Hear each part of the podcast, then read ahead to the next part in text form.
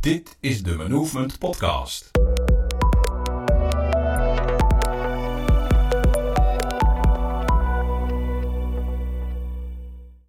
In deze podcast is Mirjam in de auto onderweg naar huis na een Movement Hackathon. Een weekend waarin we ons met Movement buigen over verbeteringen en vernieuwingen in ons trainings- en adviesmateriaal. Mirjam vraagt zich af welke dingen ze nu anders zou aanpakken als ze terugkijkt op de allereerste keer dat ze een groot bedrijf wegwijs heeft gemaakt met Microsoft Teams. Ze gaat in deze podcast in op de structuur die je aanbrengt in teams en kanalen. In een andere podcast bespreekt ze haar ervaringen als het gaat over de afspraken die nodig zijn om teams samen succesvol te gaan gebruiken. Ik zit in de auto. Ik ben onderweg naar huis. Ik kom van een toffe hackathon. Ik luister net naar de podcast en dat inspireert mij enorm om deze podcast op te nemen.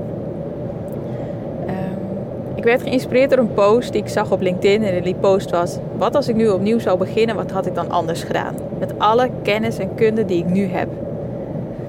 Dat inspireerde mij om de zin te zeggen: Wat nou als ik nu opnieuw kon beginnen met een schone lei en de hele organisatie, het hele, het hele bedrijf opnieuw meenemen met het gaan werken met Microsoft Teams. Weet je, wat is er nu gebeurd? We hadden COVID, de corona kwam, we moesten snel aan de gang. En we moesten ook, we gingen ook Teams gebruiken. Hè. Teams heeft toen natuurlijk een enorme flow doorgemaakt in het aantal gebruik. Ik wil niet eens weten hoe, ik zou niet eens weten hoeveel exponentieel dat gegroeid is, maar dat was enorm. Dus als ik nu kijk naar wat had ik nu anders gedaan ten opzichte van wat ik toen deed? Ten eerste, ik had uh, veel beter gekeken naar wat zijn nou samenwerkingsverbanden. Hè? Wie werkt nu met wie intensief samen? En het woord intensief is natuurlijk een relatief woord. Hè? Dus wat betekent dat intensief?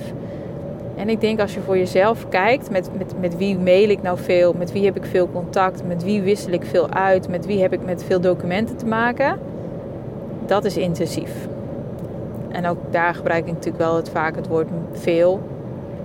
Uh, maar als ik denk, oh, ik ga vandaag naar kantoor, want ik zie die en die mensen. Of ik ga vandaag weer naar elkaar toe. Of ik, moet, ik, ik heb een overleg met die en die mensen. En dat is structureel, dat is vaker. En, en, samen creëren wij dingen en maken we dingen. Of zorgen we ervoor dat we bepaalde dingen kunnen realiseren of opleveren of leveren.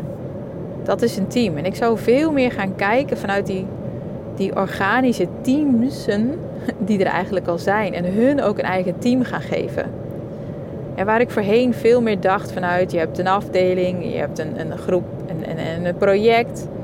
En je hebt af en toe kortstondige samenwerkingen. En veel meer vanuit een hoog over um, idee zou ik het dus veel meer oppakken vanuit die mensen die samenwerken en met hun het gesprek aangaan. Wat zijn nou je aandachtsgebieden? Wat zijn nou jouw, jouw, jullie onderwerpen? Wat zijn nou de dingen waar we het over hebben? En welke mailboxen hebben we? Welke bestanden delen we met elkaar?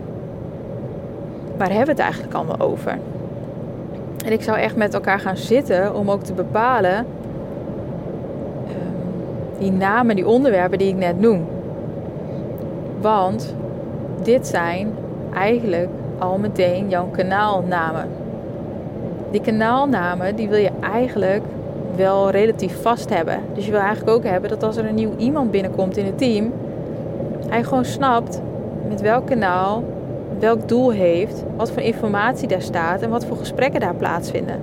En dus dat het niet een ongebreidere brei wordt en dat er maar kanalen bij komen die eigenlijk weer lijken op een ander kanaal, maar dat het voor iedereen helder is op basis van de naam en een stukje definitie waar wat in zit. En dat daar geen overlap in zit. He, dus geen overlap in bijvoorbeeld, een, ik noem het even wat, projectfinanciën en um, administratie.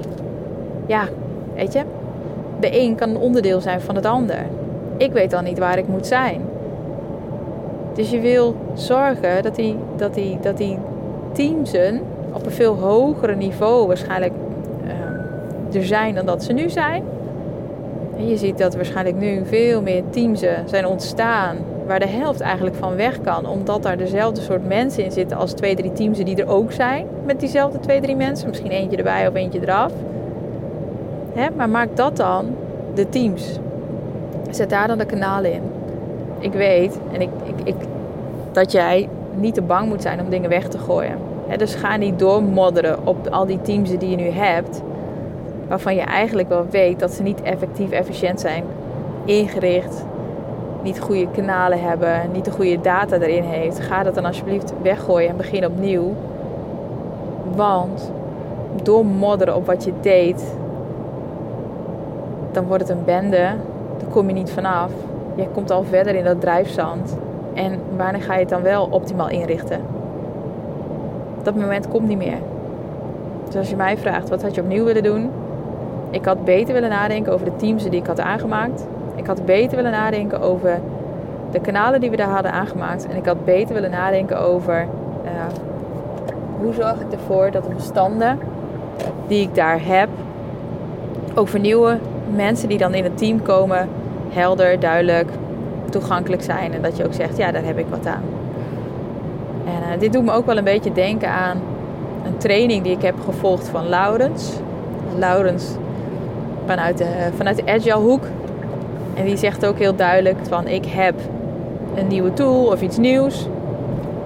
En je hebt eisen en je, hebt, je wil daar wat anders mee. Dan kun je tot in de eeuwigheid door blijven ontwikkelen op datgene wat je al had. En dan kun je wel als reden zeggen, ja maar ik heb daar al zoveel in geïnvesteerd. Of ik heb daar al zoveel tijd in gestoken. Ik ga dat niet meer weggooien. Dan ga je het nooit optimaal krijgen. En uiteindelijk ga je dan nooit die waarde eruit halen. Dus je kunt wel terugredeneren en denken hoeveel heeft het me het al gekost. Je kunt beter vooruit redeneren. En wat levert me het op als ik het nu opnieuw doe? Met de kennis die ik heb, met de ervaring die ik heb, maar met de nieuwe omgeving. En wat dat betreft hou ik best wel van af en toe dingen even ja, gewoon weggooien en opnieuw beginnen. Donder het maar weg. En dat wat belangrijk is, dat komt wel weer boven. Of dat, dat bewaar je, dat pik je eruit. Maar zo, op zo'n manier hou je het wel schoon. Misschien vergelijk, moet ik het ook wel vergelijken met een jaarlijkse, de jaarlijkse voorjaarsopruiming. Als de lente in de bol komt en je denkt, oh ja, heerlijk. Laat me weer lekker, hè? Laat me weer lekker schoonmaken, laat me lekker opruimen, even weer overzicht creëren. Ja, nieuwe teams. Ik zet over wat ik al had. En, uh, en dat gaat natuurlijk alleen over de documenten. En dat is wel het lastige daarvan. Wil, hè, en dat snap ik ook wel. Het lastige daarvan is dat je je kunt, het is tot nu toe, ik pin me daar niet op vast. Ik, ik ben er altijd wat uh, luchtig in. Maar tot nu toe kun je gesprekken niet kopiëren of, of meenemen of, of archiveren of die ook overzetten. Dus ik kan heel goed begrijpen dat de gesprekken en informatie en de kennis die je hebt met elkaar, dat die dan uh, ja, verloren gaat.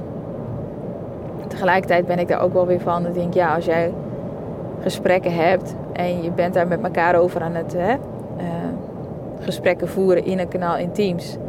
Daar moet iets uitkomen. Daar moet een product uitkomen. Er moet een besluit uitkomen. Er moet een actie uitkomen. Daar moet, een, daar moet iets uitkomen. Hè? Dus gesprekken hebben voor het gesprekken hebben, ja, dat lijkt me niet handig.